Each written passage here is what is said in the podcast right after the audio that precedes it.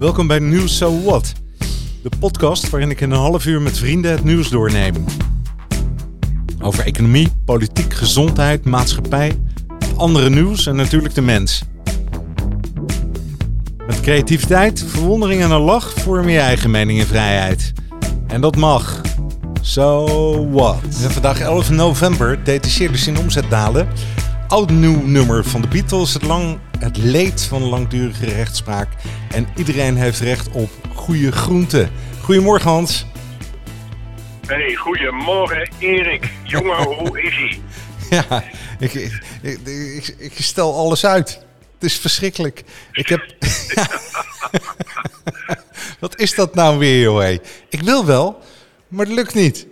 Het zit, het is, er zit iets. Ik, ik, weet je wel, en, en zo krijg ik aan het eind van de week dat denk ik, jezus, een hele hoop te doen. Maar dat komt omdat ik gewoon de rest van de week uh, weinig gedaan heb. Hè? Dus ik heb startproblemen, zeg maar. En bij jou? Ja, ja nou, met, met, nou ja, ik heb het heel erg druk. Zie, met, met uitgestelde dingen is het soms zo dat het alleen maar lekkerder wordt. Dus ook zo met uitgestelde seks. Dat is... Uh, Je gaat ervan dromen. Ja, hier ging even iets helemaal uh, mis. Een of andere grijnzende dame die... Uh, ik zit in de auto, Erik, die voorrang nam. Nee, ik heb het vreselijk druk deze week. Ik heb, maandag heb ik meteen alles wat ik meende te moeten doen, waaronder belasting betalen, heb ik gedaan maandagochtend. En uh, allemaal mail had ik, mijn mail heb ik, mijn mailbox helemaal leeggemaakt. Dat duurt ook altijd even. En daarna heb ik vergaderd bij TNO. Dat was trouwens al een erg leuke vergadering. Dat, want ik denk dat het de laatste live vergadering was. Ik noem het meer een gesprek. Ik hou niet van vergaderen. Het was een gesprek tussen business developers die ehm, laat ik zo zeggen, die prototypes die werken moeten omzetten in business binnen of buiten TNO. Hm. En dat is natuurlijk een, een, vreselijk leuk uh, onderwerp, hè, want dat gaat over nou, op welke markt richt je. Richt je je alleen op het ministerie van Defensie of ook op de politie of op BOA's of op veiligheidsregio's of op de Koninklijke Marechaussee en welke technologieën lenen zich nu het meest om om te zetten in producten. Hè? Want TNO doet natuurlijk toegepast wetenschappelijk onderzoek. Uh, hoe benaderen we de markt? Uh, dus het was, het, het, was een heel goed begin van deze week. Daar, daarbij, je kent natuurlijk DARPA uit Amerika. Ken je DARPA? Het DARPA-project, ja. het innovatieproject. Ja. ja dus Van Defensie is dat, hè? Ja, ja, TNO werkt natuurlijk ook. Uh, die schrijft af en toe in op, uh, op calls van DARPA. Dat betekent dat je ideeën kunt uh, indienen en uitwerken trouwens. En dan gaan zij dat financieren. Dan zij eigenaar van het product dat je ontwikkelt, maar je mag dat zelf ook gebruiken. En dat is, nou, daar, hadden we het over, hoe die Amerikanen dat doen. Want die normaal wordt wetenschappelijk onderzoek bijvoorbeeld voor vijf jaar gefinancierd. Hè? En dat is een, een, PhD, die doet ongeveer vijf jaar over zijn studie. Maar DARPA doet dat heel anders. Die geeft gewoon, die zegt van nou, vier ton per half jaar. En als het niet goed gaat, dan stoppen we. Een beetje... beetje start-up-achtig. ja, ja, maar ook wat minder bureaucratisch dan Europese. Hè? Dus, want zie, als je meteen voor vijf jaar onderzoek doet en het gaat, het gaat gelijk om een paar miljoen euro, dan kan het een mislukking worden. Maar ja. als je tegen iemand zegt, nou probeer het maar voor een half jaar en dan kost je drie ton, ja dan heb je een mislukking van drie ton. Ja. En buiten dat mislukken 90% van de DARPA-projecten mislukken en 10% lukt. Uh, en uh, dat is natuurlijk wel bijzonder. En de Nederlandse overheid durft dat niet aan. Hè? Die is bang voor negatieve publiciteit en dat soort gelul. Maar ja. in ieder geval, mijn week mijn week uh, begon uh, met, hey, ik dacht dat ik redelijk uh, op orde was. Maar dat blijkt toch niet zo te zijn. Want ik heb gisteren ja. echt gewerkt van 7 tot 7. Toen ben ik trouwens wel lekker gaan eten in een super sterrenrestaurant. In het Witte Paard, Le Cheval Blanc in Heemstede. Oh, okay. ken ik niet, heeft, ken ik niet. Die, nou, moet je, moet je een keer doen. Die heeft één ster. En ik moet eerlijk zeggen dat... Nou, moet je een keer doen, Hans. Moeten we een keer doen. Nou, dat moeten we een keer doen. Want ze hadden, ze hadden smaaksensaties. Hè. Ik reken een, een sterrenrestaurant af uh, op, op de vraag of ze mij in die gerechten totaal weten te verrassen qua smaak. Dat ik dingen proef, combinaties, die ik nog nooit eerder heb geproefd. En dat was wel het geval. Maar goed, nu alweer vroeg in de auto, Erik. En uh, ik ben op weg naar Den Haag, naar de politie. En dan uh, ga ik tussen de middag op bezoek bij Dick Ruimschotel. Misschien dat je hem nog kent. Ja, ja zeker. Uh, dat is die man die wacht op zijn hartoperatie vanwege al die wappies die zich niet laten inenten. En dan ga ik daarna ga ik nog weer door naar een promovendus van mij, Teun Meurs. Die is ondertussen alweer een aantal weken dokter. Maar omdat ik mijn immunotherapie had in het AWL, kon ik daar niet bij zijn. Dus dat vieren wij vanavond en vanmiddag met een etentje. Dus weer een, weer een drukke dag. Ik denk Mooie dat dag. ik op, uh, op 11 uur thuis ben. En jij, en, en jij stelt alles uit. Ja, het is niet goed tijd laat ik voorbij glippen. Maar misschien is het, het is ook wel heel interessant om uh, dat te ervaren. Hè? Dat je een soort uh, uh, nadenkt over de dag. Hè, wij zijn gewend natuurlijk vanuit onze opvoeding dat we een soort van strafbaar zijn. Hè? iemand die kijkt over de rug mee, hè? of het God is of de medemens of de overheid. Hè? Dat als je niets doet, Hè, dat, je, dat je slecht bezig bent. Hè, wij zijn natuurlijk opgevoed met, uh, hè, met het uh, adagium van uh, lekker werken. Hè, en, en, werken tot aan je graf. En, maar ik heb ook altijd gevonden dat werk en plezier met elkaar moeten samengaan. Ik, ik zag ook nooit zoveel onderscheid in het werken en, en niet werken. En wat ik vond alles leuk. Ik vond werk helemaal niet het begrip werk omvatten. Hè, werk is gewoon plezier, uitdaging. Als jij bij TNO zit, dan heb je toch plezier? Hè? Dan, dan, dan, dan, dan hoor je die ideeën. Ja, precies. Energie. Ja. ja, daar krijg je energie van. Dat is natuurlijk fantastisch. Ja, dus ik, uh, maar ik, ik, ik soms moet je jezelf ook pakken. Vanaf, ik ben wel af. Dus dat, dat, zeg maar, dat Calvinistische gevoel, dat had ik al nooit zo heel erg. En wat er een beetje, zeg maar, hè, dus minder dan de gemiddelde Nederlander en wat erin zat, dat is er toch al uit. Kijk, ik heb mijn hele leven keihard gewerkt. Hè? Dus uh, zeker Zo. in de periode bij de politie Amsterdam, Erik. waren er weg, echt nog werkweken van 80 uur uh, bij. En in het weekend gebeld worden. En s'nachts gebeld worden. En uh, weet ik wat, werkontbijten, s ochtends om half zes.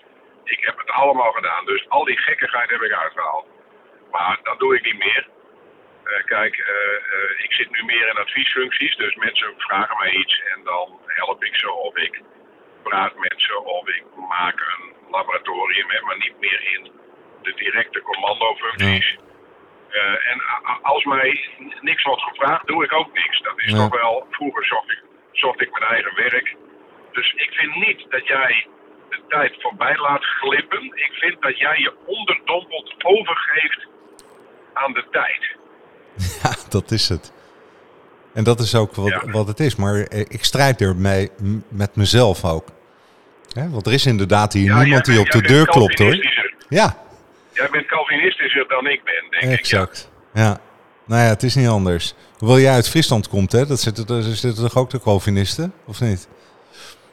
Ja, daar zitten natuurlijk in Friesland, uh, daar heb je uh, natuurlijk van oudsher protestants, maar uh, vroeger, maar sinds 1928 natuurlijk met de opkomst van het socialisme uh, in uh, Noordwest-Friesland was dat vooral, hè, in de omgeving van Breedgummermolen en zo. Ja. Sint-Anna-parochie, daar is het socialisme opgekomen. Uh, oh, dat wist ik niet. Mooi, interessant. Oh, wist je dat niet? Nee, nee. Oké, okay, nee, do, do, Domela, Domela Nieuwenhuis en natuurlijk later op Pieter Jelle Troelstra, maar daartussenin of in diezelfde tijd nog de gebroeders Hogerhuis. Zoek straks maar eens op. Een interessant verhaal. Die ze hebben jarenlang gevangen gezeten vanwege het feit dat ze socialist wilden uh, uh, waren. Maar goed, uh, daar is het begonnen. De woningbouwcorporaties die kregen destijds, die kregen een woningwet. want de, de huisvestingssituatie was heel slecht. En toen begon men woningbouwcorporaties op te richten en volgens de woningwet werden die woningbouwcorporaties genummerd. En uh, nummer 1 en 2, uh, dat, die komen allebei uit uh, Noordwest-Friesland. En de, de, woningbouwvereniging Noordwest-Friesland, die bestaat nog steeds, En die heeft dus het laagste nummer van alle woningbouwverenigingen van Nederland. En, uh, Ja. Maar goed, dit, dit is de bakermat van het socialisme. En het, de, de protestanten in, eh, in Friesland, die zijn natuurlijk uitgestorven. En je hebt nog een paar katholieke enclaves. En dus eh, dat is... Ja. eh, nee, dat is echt waar. Baggerga, dat is een, daar, hè, daar staat ook een enorme katholieke kerk. Ehm, dus maar Friesland is echt geseculariseerd en gesocialiseerd. Ja. Want ik denk, als je naar de Friese bevolking kijkt, dat een flink deel socialistisch denkt en een ander deel groen. En, en van de groenen is een deel misschien door het rentmeesterschap eh, eh, geïnspireerd, hè, vanuit Ja. het geloof. Ja, maar als ik aan Friesland denk, dan, dan eh, vind ik toch een beetje hè, nuchter, kun je best wel zeggen. Ja, Maar ook wel harde werkers. Dat, dat gevoel Ja, dat- komt bij zijn- over. Hè? Nee, dat is ook waar. Ze zijn, eh, ze zijn nuchter. En toen ik eh, eh, destijds verhuisde, en ze moeten eens even kijken wanneer dat was. Dat was op 1 september 1999 verhuisde ik van Friesland naar Amsterdam. Toen, werd ik, toen merkte ik natuurlijk ook het verschil in cultuur. Dus de Amsterdammer is veel meer outgoing. Hè? Die, ik bedoel letterlijk en figuurlijk. Die gaat de stad in, maar die is ook wat schreeuwiger. En eh, die eh, praat meer. eh, belooft ook meer. En de Fries is wat stiller. Ja. Toch kunnen ze heel goed met elkaar, hè? Altijd al. Ja, nee, uitste- uitstekend. Ook als je kijkt naar de korpschefs, hè, Erik Nothold, heel veel mensen weten dat niet. Maar die is geboren in Appelscha, dat is Friesland. En eh, ook Jelle Kuiper natuurlijk, eh, dat was eh, die. je hebt heel veel mensen die het bij de politie ook goed hebben gedaan in, vanuit Friesland. Ja. Ja, ja. Even beginnen. Ehm, je zei net ehm, trouwens, ik ga naar TNO, mijn laatste live vergadering. Wat bedoelde je daarmee? Ik vermoed dat vanaf morgen advies om 50% eh, thuis te werken gaat naar het advies om 100% thuis te werken. Ah, En TNO is een overheidsbedrijf, ja. weliswaar tamelijk, maar tamelijk onafhankelijk. Hè. Er is een wet op de TNO. Hè. TNO bestaat omdat het moet bestaan. Eh, het is een overheidslaboratorium die voor een deel ook extern wordt gefinancierd. Maar wij volgen natuurlijk de overheidsrichtlijnen. Ja. Dus als het, advies, als het advies wordt van 50% thuis naar advies 100% thuiswerken, dan zul je zien dat eh, eh, de overheidsbedrijven zich daaraan houden. En eh, ook een aantal moderne bedrijven, hè, weet ik wat, Ziggo en KPN, die houden zich daar dan aan. En een aantal andere bedrijven, die houden zich nergens aan. Ik heb mij zo geërgerd, Erik. Ik dacht zondag, ik ga even lekker op het strand wandelen in Zandvoort. Hè. Dat is bij ons heel dichtbij. Mhm. En de zee was prachtig. Hoge golven. En in Zandvoort zijn ongeveer vier of vijf strandtenten open. En één strandtent was het beroemde Tijn Akersloot. Ken ik niet. Mensen die luisteren. Nee, dat was een beroemde strandtent. Ga daar niet naartoe. Want daar waren een paar honderd mensen. Ze stonden zelfs in een rij en niemand controleerde die QR-code. Dat leidt waarschijnlijk tot een korte, eh, een korte lockdown. Hè. Er wordt gesproken over een lockdown van 14 dagen. Is dat zo? het Nu? bedrijfsleven. Ja, ja, nee, daar wordt, er wordt de, eh, kringen rond het kabinet zeggen dat het OMT, het kabinet, heeft geadviseerd om een lockdown van 14 dagen in te stellen. Ja, Zo, en een complete goed. lockdown bedoel je dan? Of is dat Ja, ook weer ja, die ja, avondlockdown? Of ook overdag tegenwoordig? Dat- Nee, nee, twee dingen hoorde ik. Eh, dat was net op het eh, journaal. Een, een lockdown van twee weken. En hoe breed die dan zal zijn, weet ik niet. En daarna eh, geldt, het testen geldt niet meer. Dus je bent of thuis, of je moet ingeënt zijn.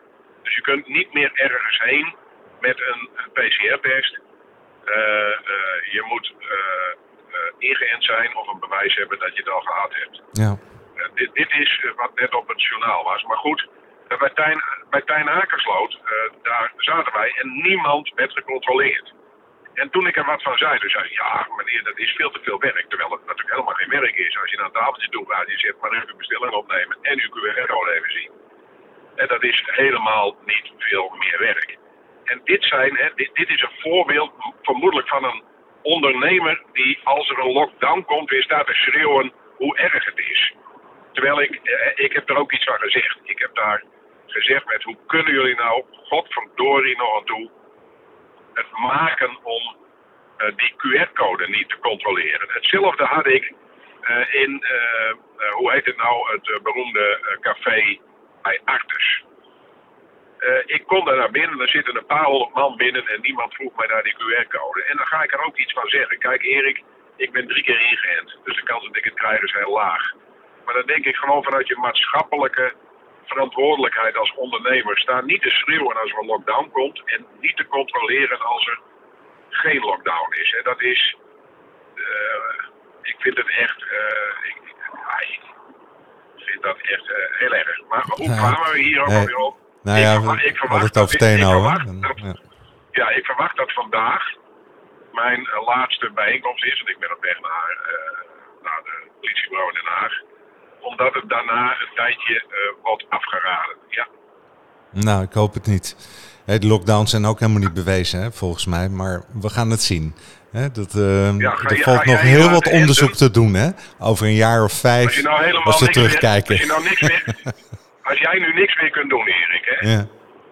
Uh, dus, want jij hebt het al wel gehad, maar daar heb je volgens mij geen bewijs van. Jawel, zeker. Oh, daar heb je bewijs van. Oh, dat geldt voor jou niet.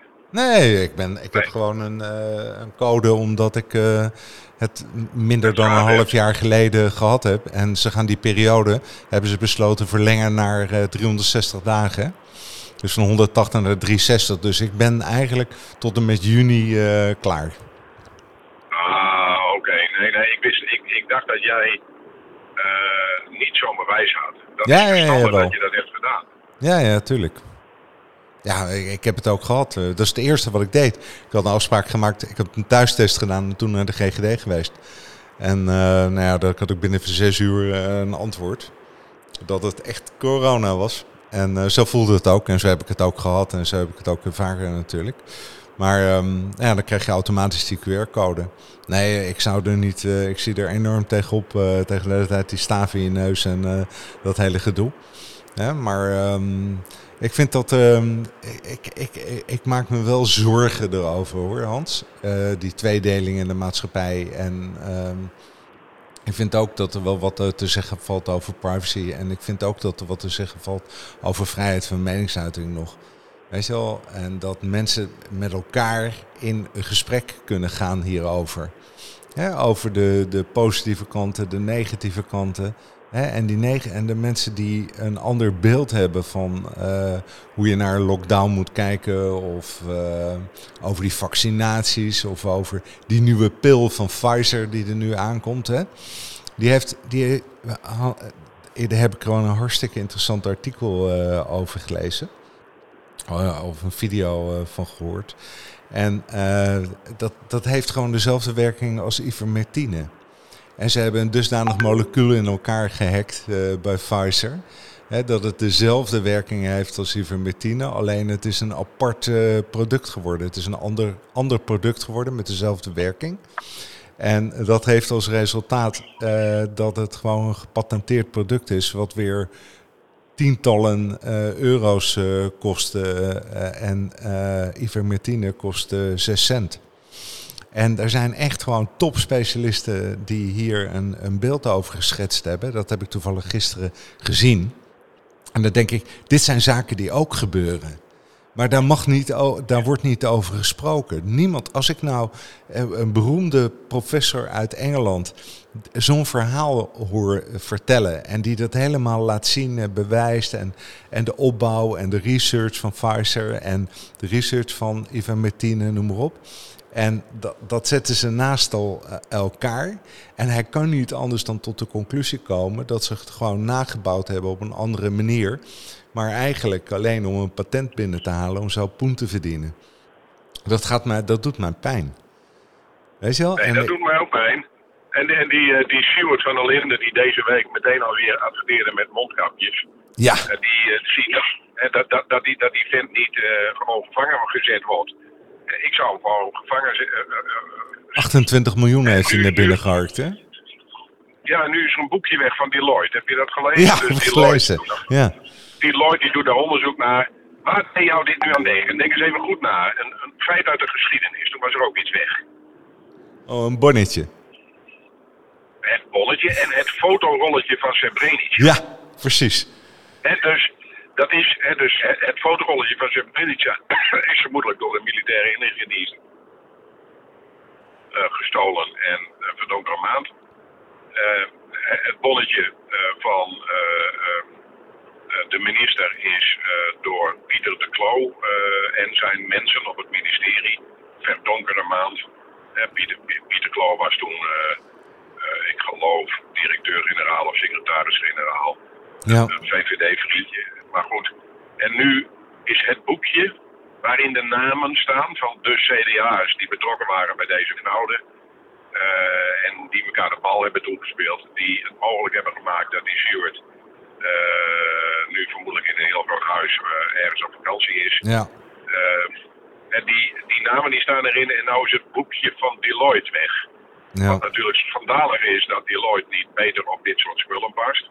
Ja. Ja, daar, moeten ze zich, daar moeten ze zich echt voor schamen. Maar het kan toch bijna geen toeval zijn, jongen. Ja, ik ben geen complotdenker, maar het boekje van Deloitte is weg. Met Ja. namen. Nou, Hey, eh, al- alsof, eh, ja, kan ook uit de vergadering door een ander zijn meegenomen, hè, weet je wel. eh, hè? Maar Nee, volgens mij heeft die vent zich gemeld ook, hè?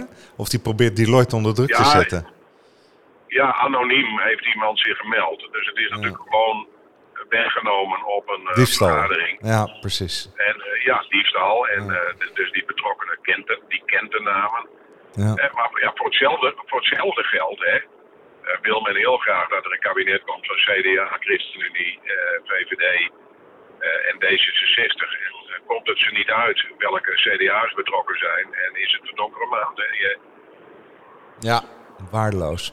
Hey, ik heb even een paar onderwerpjes nog. Heb je nog even tijd voordat je in Den Haag bent?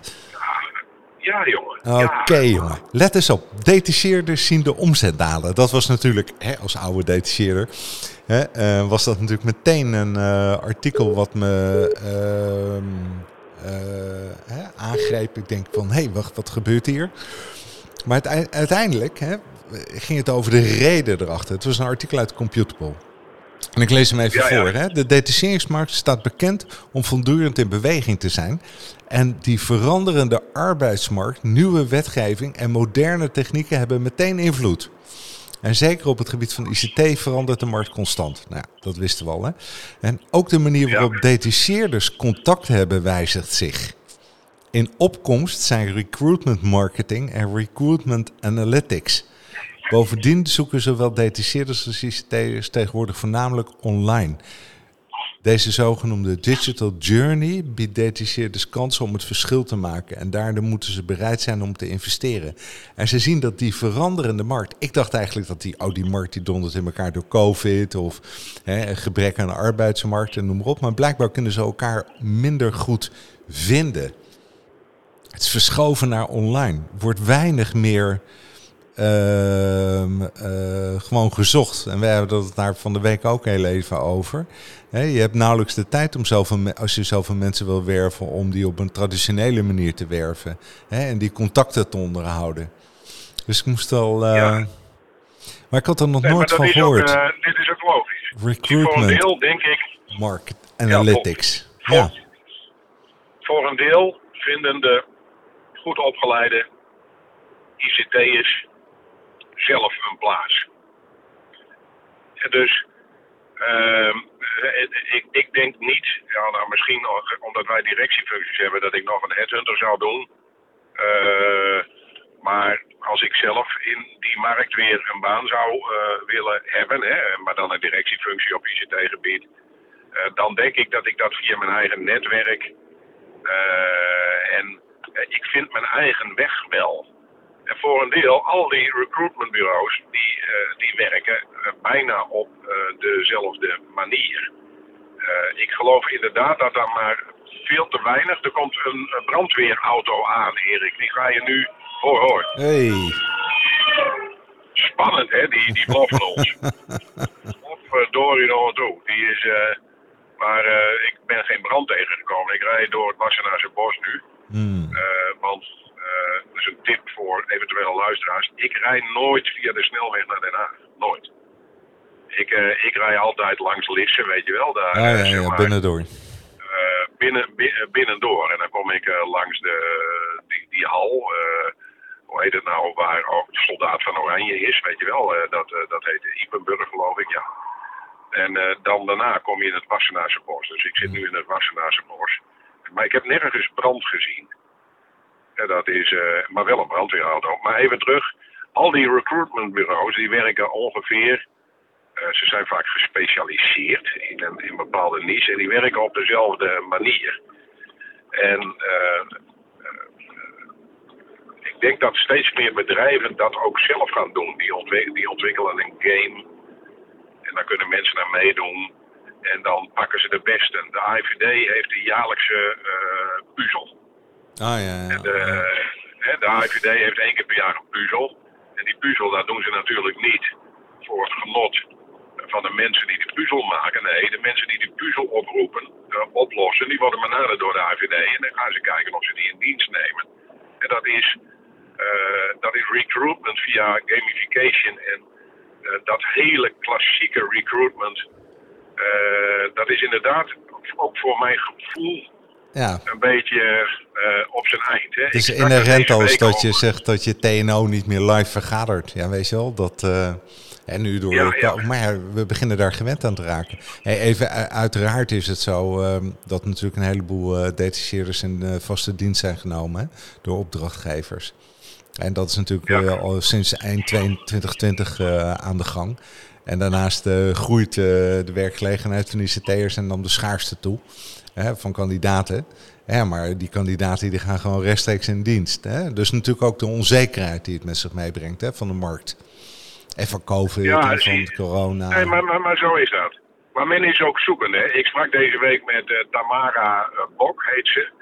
En die is van een, eh, ik denk jou wel bekend, eh, eh, eigenlijk een communicatiebureau die zich richt op voor Ja, arbeidsmarktcommunicatie. Jamming, ja. En dan zie je dat ook jamming is natuurlijk op zoek naar eh, om het, het goede oude vast te houden, maar dat aan te vullen met eh, nieuwe methoden en technieken. En ik verwacht ook dat, eh, dat, dat daarin specialiteiten ontstaan die samen leiden tot goede recruitment. Dus aan de ene kant arbeidsmarktcommunicatie, aan de andere, aan de andere kant het ontwikkelen van eh, games die de functie van het gesprek voor een belangrijk deel overnemen. Hè? Eh, het sollicitatiegesprek is toch duur? Iemand moet eerst worden uitgenodigd en er is een commissie bestaande uit vijf mensen. Die gaat erover praten en dan vinden de arbeidsonderhandelingen plaats. Eh, het is een heel duur proces en ik, ik verwacht dat de komende jaren door middel van artificieel intelligente en vergamificeerde eh, instrumenten ehm, eh, dat proces goedkoper is, sneller verloopt en leuker Ja, voor de kandidaat. ja mooi hè? Dat is. eh, en we hebben het. Nieuwe de, de grote ontwikkelingen. vriend waar ik vanmiddag- Ja, waar, waar- die Dickie Ruimschotel, waar ik vanmiddag dan heen ga, die jij ook kent. Die heeft zijn bedrijfje, de Jobcarousel. Is op zichzelf nu goed uitgewerkt, in het begin niet. Kijk maar eens op de site, eh, jobcarousel.nl. En eh, wat doet hij nu? Stel nou dat ik verpleegkundige ben eh, op de hartoperatiekamer van het OLVG. En ik woon in Deventer. En mijn man werkt in Arnhem. Maar nou is er ook iemand die in het ziekenhuis van Arnhem hoofdverpleegkundige is. En die wonen in Breukelen. Nou, ze hebben hetzelfde beroep. Ze verdienen hetzelfde. Ze hebben dezelfde opleiding. En dit systeem brengt ze met elkaar in contact om te kijken of zij met hun werkgevers overeen kunnen komen dat ze ruilen. Dus voor de werkgever, die krijgt niet meer Anita, maar die krijgt dan uh, Ben. Hè, dat zou kunnen dat dat de tweede een man is. Ja. Uh, qua, qua, salaris verandert er niks. Qua reiskosten schieten de werkgevers ermee op, want die gaan omlaag voor de werkgevers. Uh, de kans dat de mensen weggaan, die gaat ook omlaag, want ze, ze gaan veel dichter bij huis werken. Hè, en dat heet dan jobcarousel. En dat is toch een hele speelse. super interessant natuurlijk. Een leuke manier om uh, in, in arbeidsmarkt, uh, zeg maar, om die beter te laten verlopen. Hè. Het is ja. ook wel beter voor het milieu, want ze reizen, ze reizen minder. Hè. Ja. Dus dit, dit is een, hè, dat is bijna een goed nieuws ja. compagnie. Ja, dat is Nou, toch. mooi. eh, en, en, het gedaan. wer- en, en, en het werkt in de praktijk ook. En, en, en dit zijn natuurlijk ontwikkelingen die de traditionele bureaus echt niet meenemen of aanbieden. En dat is, daar, daarvoor moeten ze zich schamen. Ze hebben het te goed gehad. Ja. Ja. Hey, ik, mag ik even een ander onderwerp nog? Want wat me erg geïnteresseerd is die zaak Nicky Verstappen. En dat, dat is natuurlijk een zaak die veel publiciteit heeft meegemaakt. Hè? Sinds 1998 al. En nou gaat het niet over de zaak eh, zelf, maar eh, over het feit dat die familie keer op keer op keer ermee geconfronteerd wordt. Ja. En dat dat. Ja, is dat nou troost of is het. ehm, ja, we hebben natuurlijk slachtofferhulp, hè, maar dat zijn dit soort zaken.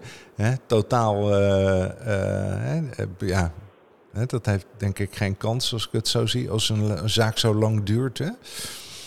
Ehm, maar wat, wat een. Zou je niet eigenlijk rechtszaken gewoon moeten inkorten? En, en zeggen, jongens, laten we er eens mee stoppen, joh, met al dat hè, bezwaar en mond dicht houden en eh, in hoger beroep gaan en noem maar op. Maar ik vind het eigenlijk een leidersweg voor de nabestaanden. En daar werd een artikeltje Ja. over geschreven. En ik vind dat er veel te is- weinig aandacht voor is eigenlijk. Hoe kijk jij er tegen? Ja, nou kijk, e- eerst eventjes eh, een paar dingen wil ik erover zeggen, want ik heb er natuurlijk ervaring mee met slachtoffers.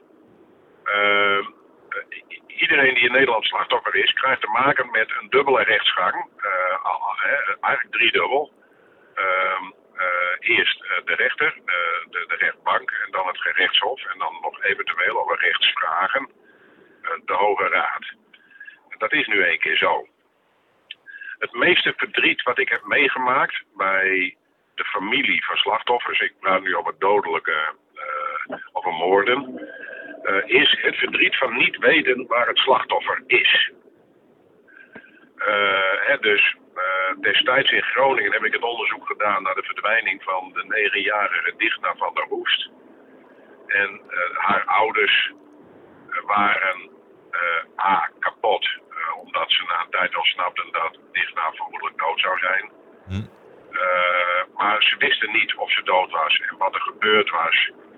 Dit is het leed van de ergste soort. Dit is het allerergste. Eh, toen wij de daders eh, daarvan pakten, eh, dat was een echtpaar. eh, eh, ik zal ze nu even noemen. Tony P. en zijn vrouw. Toen ging ik het hun vertellen en toen zag ik dat ik daarmee kon, konden wij een deel van het leed. We hadden namelijk hun dochter gevonden. en Het lijkje was er. Ze wisten zeker dat ze dood was, dat ze niet meer hè, Dat ze niet. Ze had wel geleden, maar niet geleden. eh, dat ze niet meer aan het lijden was.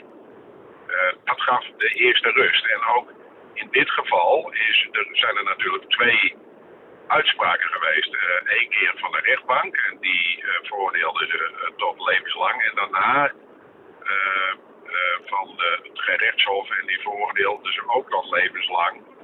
En zij waren bij de rechtszaken aanwezig.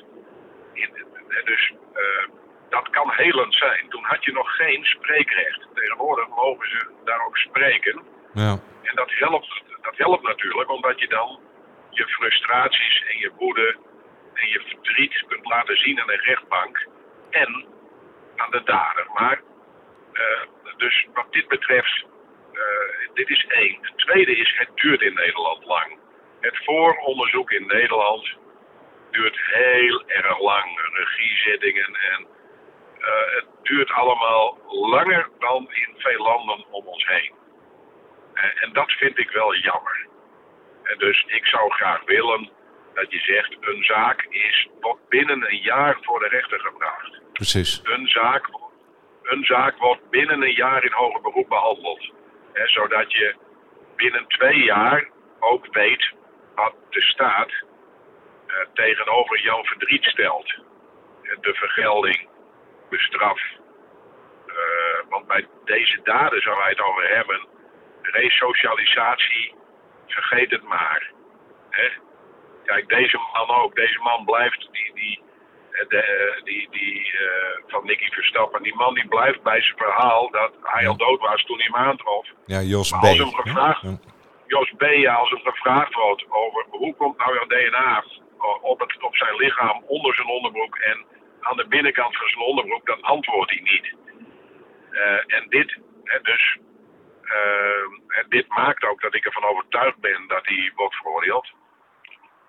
Zolang hij niet met een goede verklaring komt hoe zijn uh, DNA, dus lees vermoedelijk bloed, haren of sperma of speeksel, hoe zijn DNA in de onderbroek van Nicky Verstappen komt of op zijn lichaam. En om eerlijk te zijn, in dit soort gevallen, hè, want dit duurt allemaal heel lang, zou ik zeggen, ja kijk, of je komt met een verklaring of ik veroordeel je heel snel.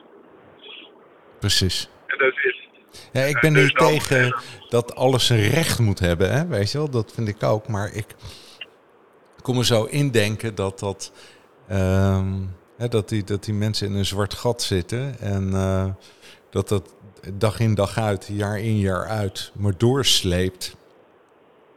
En is ja, het bij deze zo, mensen uh, ja. sleept het tien, tientallen jaren en die zijn hun, en die hebben natuurlijk, tegenwoordig heeft de politie, die doet er alles aan, hè, die heeft uh, familieregisseurs, die staat de familie bij. Die regisseur die is de contactpersoon naar de familie. Je hebt slachtofferhulp. Ze hebben psychologen, maar in dit geval de familie Verstappen had Peter R. de Vries en die is vermoord. Ja.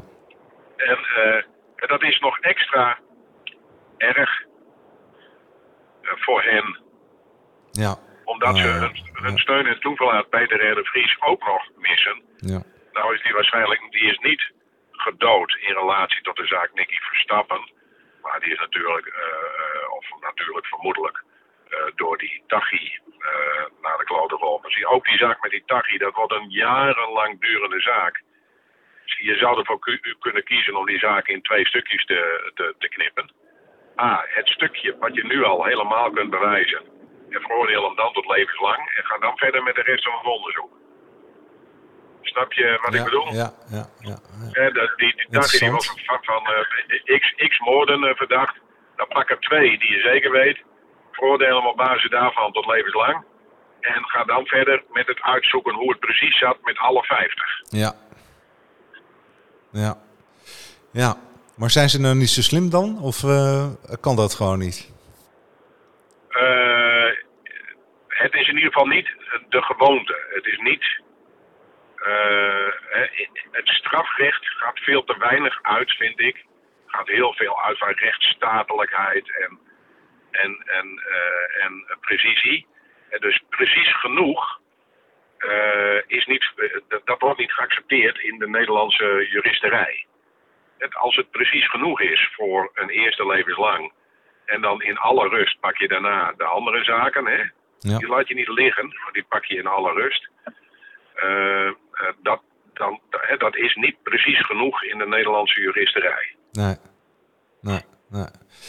Nou ja, zullen we met een vrolijk onderwerp afsluiten? De SRV-wagen. Ken je die nog, Hans? Ja, ja die, die ken ik nog. Ze hebben er nu eentje gemaakt, de blauwe tomaat. Een rijdende marktkraam die elke dag in een andere Arnhemse buurten stopt en groente en fruit tegen een lage prijs aanbiedt.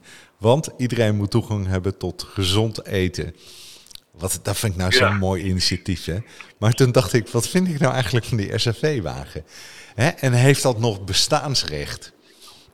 En we hebben het net gehad over online recruiten. En uh, hè, we moeten alles digitaliseren en alles moet op tijd en uh, noem maar op.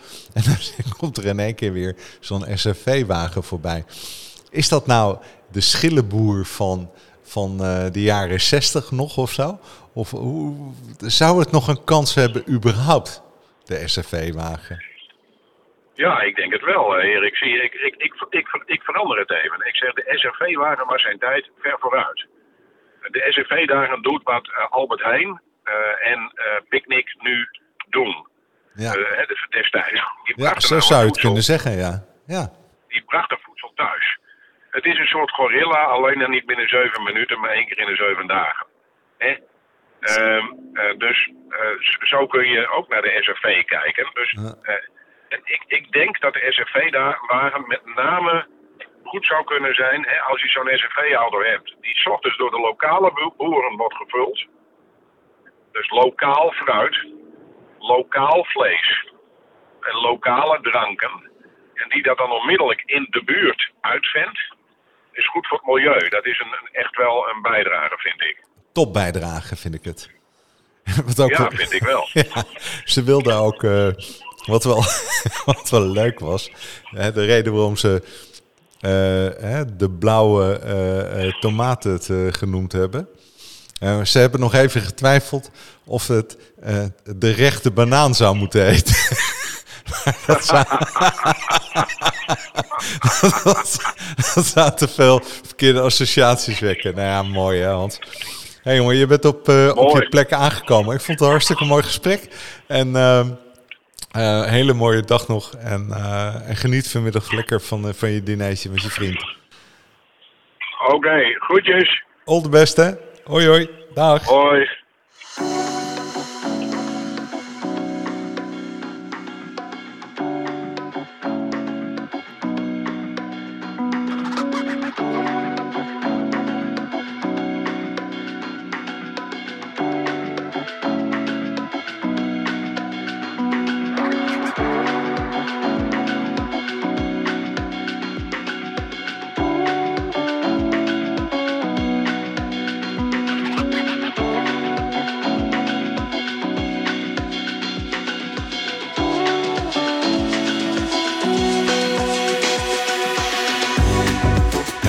Aan het uh, einde gekomen. Maar ik had nog iets anders, hè. Ik had het over een oud nummer van de Beatles. Van um, George Harrison en Ringo Starr. 50 jaar geleden ontdekt. Ik denk, nou, ik laat toch nog een stukje horen. Ik wilde het onderwerp nog nemen. Maar Hans was aan het einde van zijn rit. Maar ik laat je toch een stukje horen. Gewoon voor het gevoel.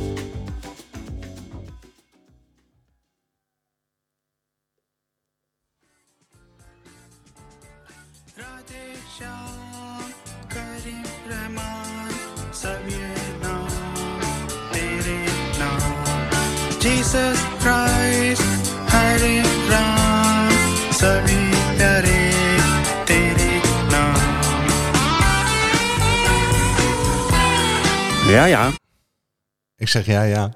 All the best.